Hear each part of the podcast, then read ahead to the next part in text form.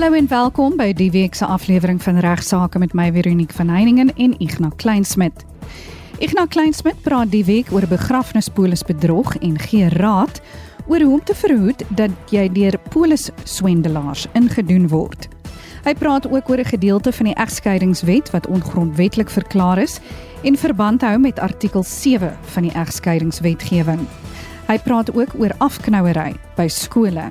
In meeste gevalle waar ouers nog steeds hulle kinders na die skool hou. In die tweede deel van regsaake praat my spesialis gas, Dr. Llewellyn Kerr-Lewis, oor die stelreël de minimis non curat lex.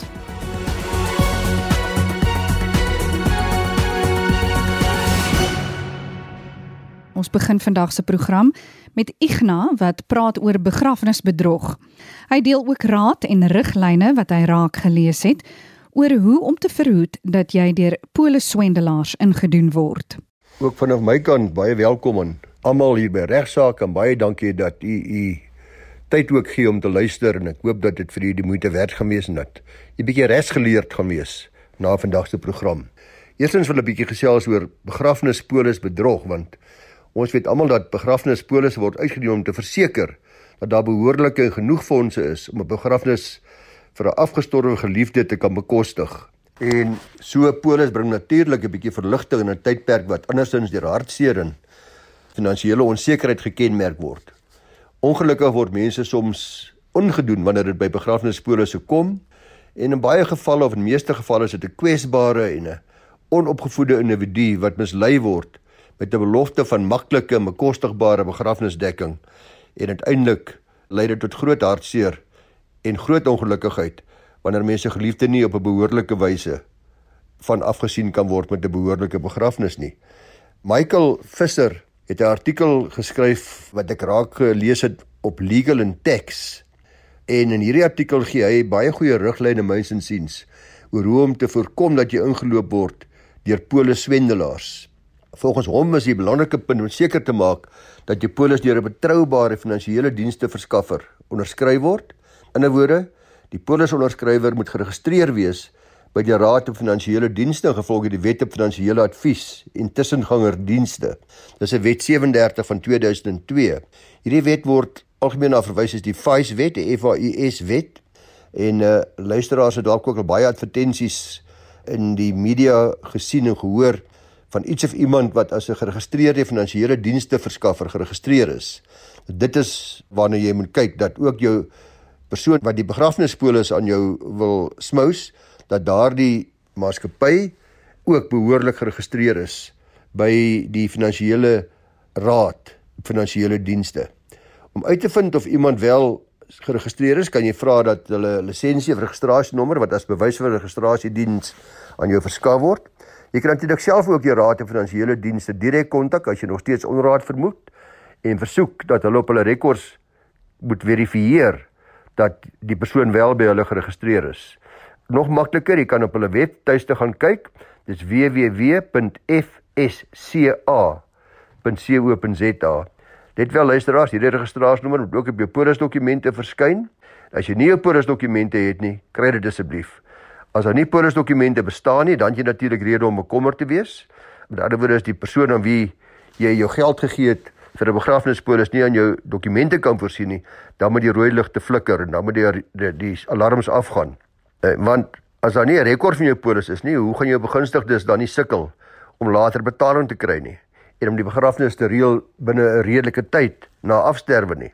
Die kans is dan ook uiters goed dat jou polis nie deur 'n geregistreerde finansiële dienste verskaffer onderskryf is nie. Ander aspek wat die gevaarligte moet laat flikker, is wanneer dit vereis word dat die premies in kontant betaal word. Moet asseblief nie daarvoor val nie. Vir 'n niks vermoedende slagoffer word vertel dat die premies vir sy of haar gerief sommer by die slagoffer se huis af opgelaai gaan word of dat dit in kontant gegee moet word vir so en so. Die geld word dan aan die swendelaar oorhandig sonder dat die slagoffer enige betalingsbewys kry. Intussen word die premies dalk nooit oorbetaal aan die onderskrywer nie. Ek sê natuurlik nie dat alle makelaars wat kontantpremies vat skelm is nie, maar dit maak dit geen sin om kontant te gee vir enige premie op enige polis nie. Dit is soms 'n opsie vir die gevalle waar kliënte nie 'n bankrekening het nie en in afgeleë gebiede woon, maar dis verseker 'n baie hoë risiko vir bedrog waar daar kontant betrokke is. So loop jy die ekstra myle maak seker dat jou geliefdes kry waarvoor jy betaal. En ek sê dit veral na aanleiding van die gereelde skrywes wat ek ontvang vanaf luisteraars wat kla dat hulle begrafnispolisse nie hoegenaamd voldoen het aan hulle verwagtinge nie. Ek gaan praat nou oor 'n gedeelte van die egskeidingswet wat verband hou met artikel 7 van die egskeidingswetgewing. Ja, luisteraars, die media het 'n paar maande gelede gegons oor 'n gedeelte van die egskeidingswet wat ongrondwetlik verklaar is. Ons kantoor is oorval deur luisteraars wat baie bekommerd was omdat dit ook 'n baie besliste invloed kan hê op uh, hangende egskeidings en natuurlik ook op alle toekomstige egskeidings.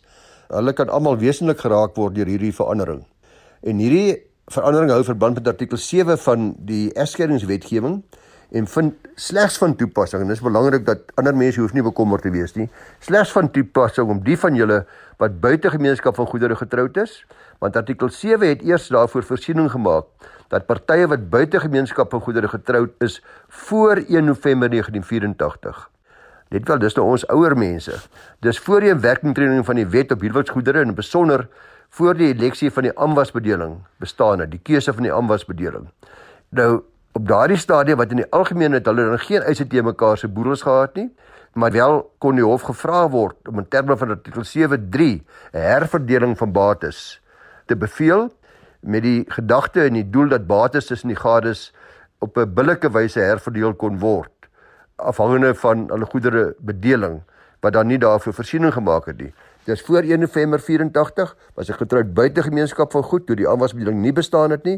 Dan kan die hof 'n herverdeling maak. Dit was is was dit so 1/3 wat die ander party gekry het van die totale bates van beide partye. Die doel van hierdie artikel was om daardie mense wat so getroud was 'n kans te gee om dan tot 'n beperkte mate in mekaar se boedels te kon deel. Maar dit was nie so maklik nie, daar moes 'n behoorlike saak uitgemaak word, daar was bewyse wat gegee moes word en uh dikwels het die hof dan ook 'n aanmerking geneem dat 'n vrou byvoorbeeld 'n huisvrou was en die kinders grootgemaak het, alhoewel sy geen bates bymekaar gemaak het nie, daarom 'n deel van die man wat gewoonlik al die bates in sy naam gehad het, kon kry. Nou hierdie artikel se grondwetlikheid was voor die hof gedaag aangesien daar 'n beperking is op die persone wat van hierdie remedie gebruik kan maak, net die wat getroud was voor 1 November 84. Volgens die artikel het ander mense wat daarna getroud was nie so 'n reg om te vra vir herverdeling nie. Dus getroud buite gemeenskap van goedere sonder die aanwasbedeling na 1 November 84 is hierdie wysiging op daardie mense van toepassing. Hierdie verandering in die egskeidingswetgewing. Nou die vraag wat die groot oproep veroorsaak het is om 'n onderskeid te tref tussen die groepe mense getroud voor en na 1 November 84. En uh veral natuurlik is dit die vraag of dit diskriminasie is teen daardie vrouens wat getroud is of daardie mense wat getroud is na 1 November 84. En dink jou in, jy's getroud, jy's slegs 1 jaar na die afsnydatum, sê in 1985 getroud.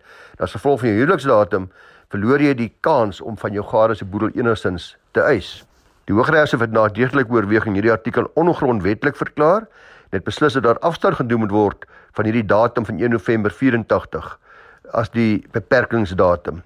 Dit ons sit nou luisteraars dis op wetingkole en wag om te sien of die grondwetlike hof gaan saamstem met die bevinding van die Hooggeregshof.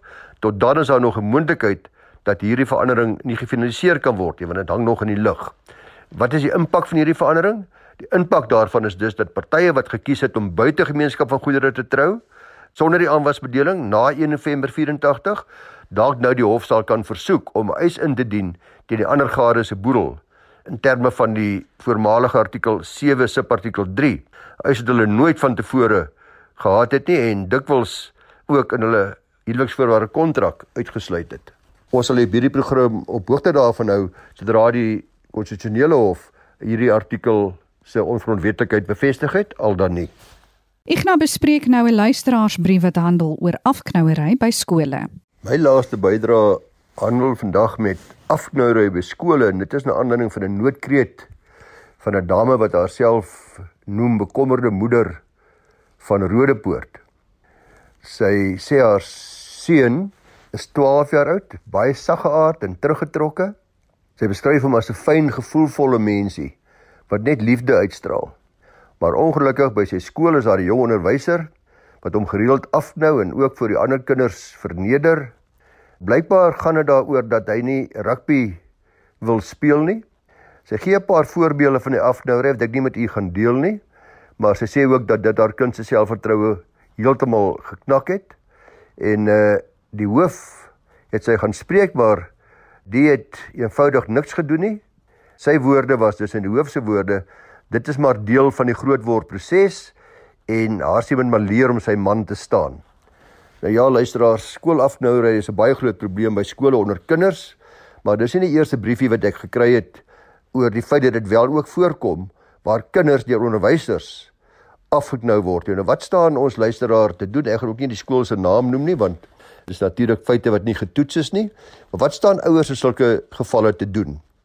Mens kan natuurlik na 'n regsbenadering kyk wat ek nou met u gaan bespreek, maar afgesien daarvan kan 'n ouer skriftelik by die streekkantoor 'n klagte aanmeld, dis nou waar die hoof nie wou help nie, om seker te maak dat hulle die skool ook in kennis stel daarvan. In meeste gevalle sal die streekkantoor dan ondersoek instel en met die hoof gaan praat en met die betrokke personeel gaan praat en dikwels is dit dan die einde van die aangeleentheid.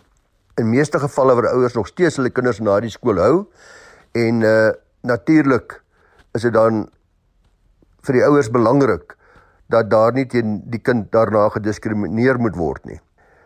Dan moet onthou word dat afnou dat die onderwyser of skoolhoof baie meer kompleks is om uh, erkenning te kry of aanmelding te regverdig en regstelling daar te stel. Dis uitdagend vir 'n ouer om te weet wat om te maak met 'n onderwyser wat die grense oorsteek. Deur kinders te dreig, te verneder of baie keer ook selfs fisies af te knou. Nou in sulke gevalle luisteraars is dit raadsaam om natuurlik behoorlik notiele te hou om saam met die kind te kyk na die datums die tye en presies wat gebeur het. In ons luisteraar se geval sê sy dat word dikwels ook gebeur voor die ander kinders. Nou daarvan daai kinders se name moet genotuleer word sodat ons weet wie hulle is en ouers moet die voorval so gou as moontlik dieselfde dag nog verkieslik by die skool se beheerliggaam voorsitter minstens gaan aanmeld. Die skool moet die beweringe natuurlik ondersoek en moontlike dissiplinêre verhoor hou en dissipline toepas soos voorgeskryf in die skool se gedragskode. Maar belangrik is as jy skool versuim om op te tree, dan word slagoffers en ouers of voogte gerigsteen deur baie wette wat ingestel is om kinders se grondwetlike regte te beskerm. En dis waar die regsaspekte nou ter sprake kom want die Suid-Afrikaanse Skolewet 84 van 96 bepaal onder andere dat openbare skole se beheerliggame 'n gedragskode moet saamstel.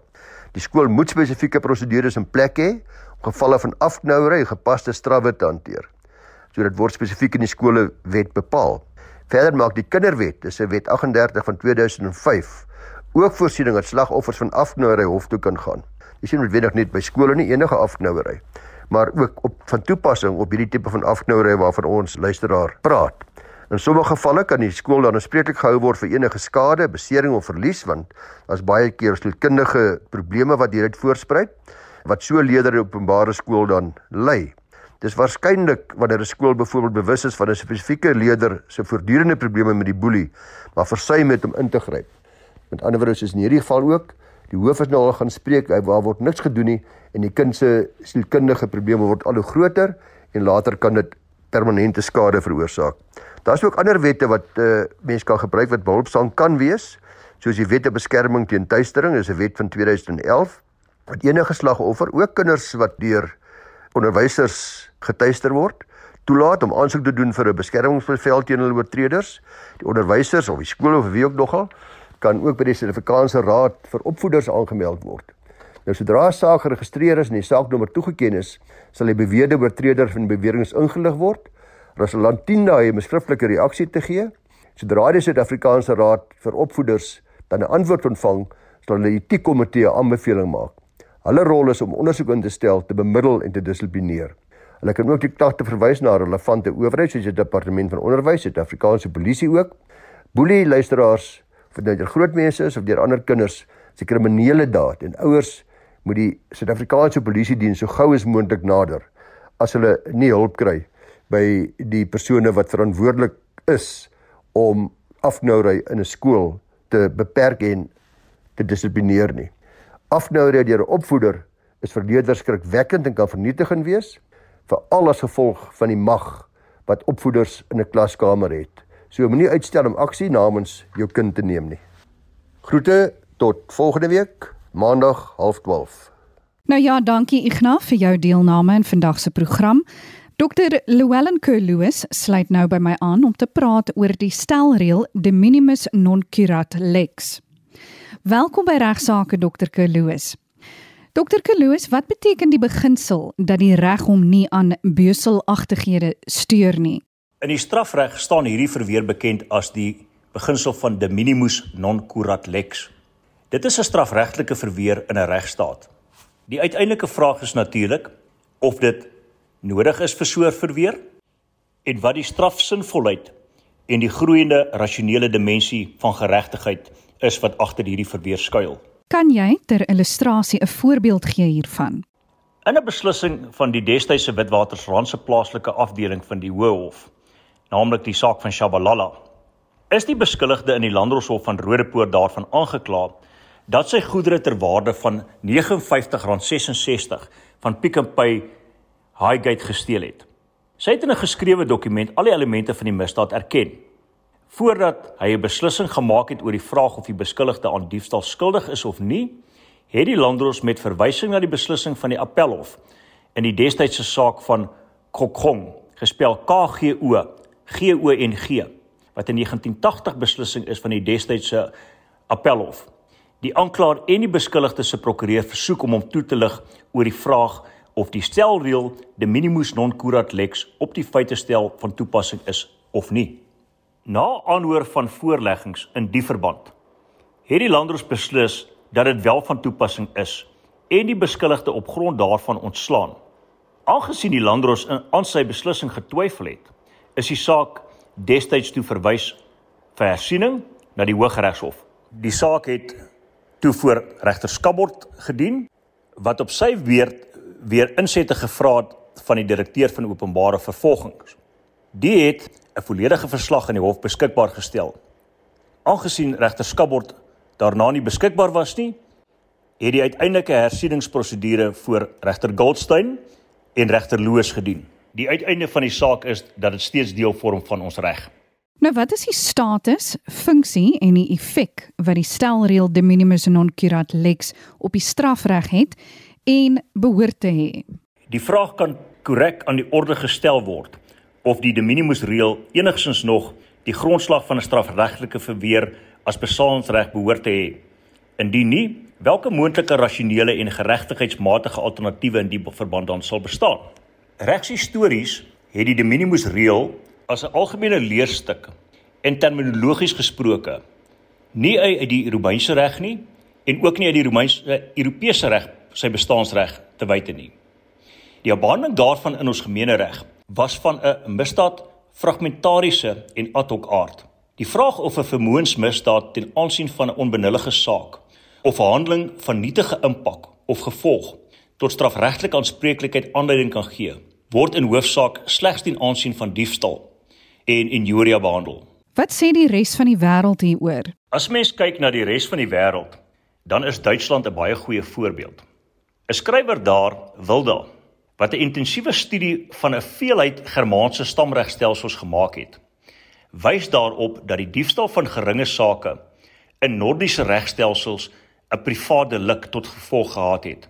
Met ander woorde, 'n mens sou hieruit kon aflei dat binne konteks van hedendaagse terminologie dit nie 'n misdaad daargestel het nie. 'n Saak van geringe of onbenullige waarde. Dit wil sê 'n sogenaamde res modica kon volgens die kanonieke reg wel 'n diefstal objek vorm. En dan is daar ook nog uit die Digesta dit duidelik dat diefstal 'n natuurlike skande en oneerlikheid daarstel wat in stryd met die natuurreg is. Hieruit sou die afleiding gemaak kon word dat selfs 'n saak van 'n geringe waarde volgens die natuurreg die voorwerp van diefstal kon wees. In 'n boek van 1947 wat verwys na 'n beslissing van 1430 wat in die Ryksmuseum te Brussels opgespoor is, blyk dit dat diegene wat 'n saak van geringe waarde van 'n ander in aanlandstekens gesteel het, ongestraf gelaat is. Verskeie van ons gemeenregtelike skrywers staan dus op die standpunt dat diefstal van 'n saak van geringe waarde, die sogenaamde res modica waarna ek verwys het, derhalwe privaat regtelike aanspreeklikheid tot gevolg het en nie ook strafregtelike aanspreeklikheid nie. Selfs iemand soos Ulrich Huber in sy skrywe Hedendaagse regsgeleerdheid wat in 1768 gedruk is, wys daarop dat ook sake van geringe waarde soos 'n hoender of 'n duif of 'n eier gesteel kon word. Maar indien die diefstalsaak van so 'n nietige waarde is dat geen geldwaarde daarop geplaas kon word nie, soos byvoorbeeld 'n speld, word diefstal nie gepleeg nie. Is diefstal nie maar altyd diefstal nie. Volgens 'n skrywer Zusius word diefstal gepleeg ongeag die vraag na die waarde van die diefstalobjek. Nou hierdie benadering het baie wye ondersteuning veral onder die Romeins-Europese skrywers geniet. En daar kan ons baie name noem. Die lang en die kort daarvan is dat persone onderskeid getref het tussen sogenaamde gewone diefstal en diefstal waar verswaarde omstandighede teenwoordig is. Hierdie onderskeid het egter slegs 'n straftoemetingsregtelike betekenis, naamlik in die sin dat daardie diefstal waar verswaarde omstandighede teenwoordig is, gewoonlik swaarder gestraf word. Daar is self die standpunt wat sê dat die onderskeid tussen hierdie twee forme van diefstal nie suiwer ekonomies of materieel bepaal behoort te word nie, maar berus dit uiteindelik in die regter se diskresie. As voorbeeld van sodanige diefstal met verswaarde omstandighede wat in die Romeinse tyd bekend gestaan het as furtum qualificatum noem die skrywers dat die volgende geval 'n tipiese voorbeeld is, naamlik waar die diefstal van 'n regsdosent se boek wat hy herhaaldelik gelees het en met verskeidenheid aantekeninge opgehelder het, gesteel word. Dr. Kloos, wat is die huidige SA regsposisie? Nie elke wandaad kan as 'n misdaad behandel en met strafsanksie besoek word nie. In die verband kan ons dink aan onbenullighede wat geen effek op die veiligheid en welsyn van die menslike gemeenskap het nie. So 'n standpunt bied 'n rasionele basis van waar 'n sinvolle en geregtigheidsmatige verweer in die strafreg ontwikkel word. Dit wil dus my voorkom of hierdie de minimis reël klaarblyklik dan van Engelsregtelike oorsprong is.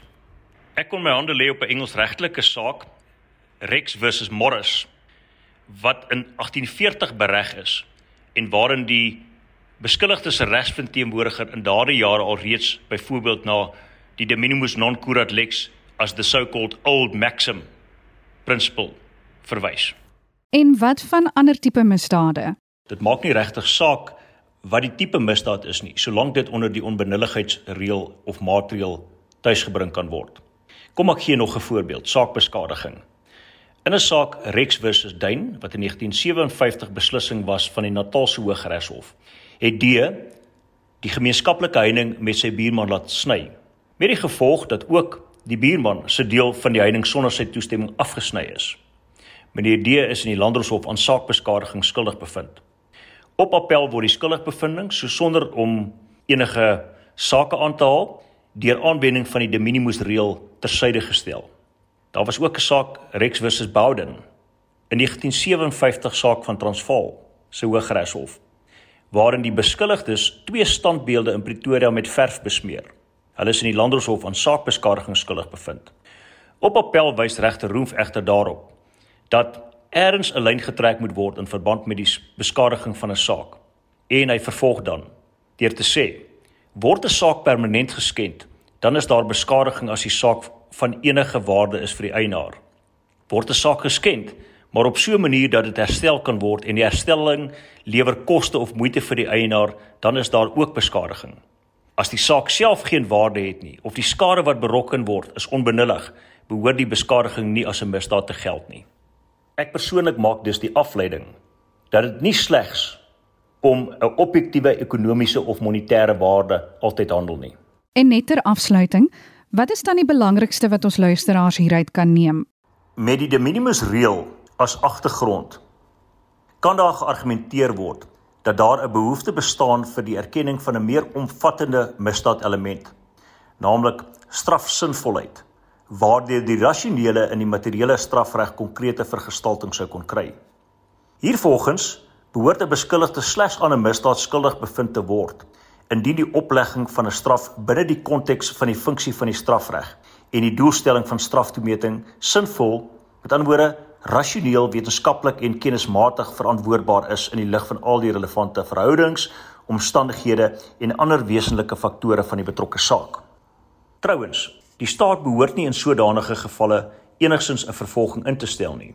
Indien die vervolging ingestel word en 'n straf gevorder word vir 'n misdaad in aanhalingstekens wat nie aan 'n vereistes van strafsinvolheid voldoen nie, sou deliktuele aanspreeklikheid moontlike gepaste omstandighede teen die staat kon vestig.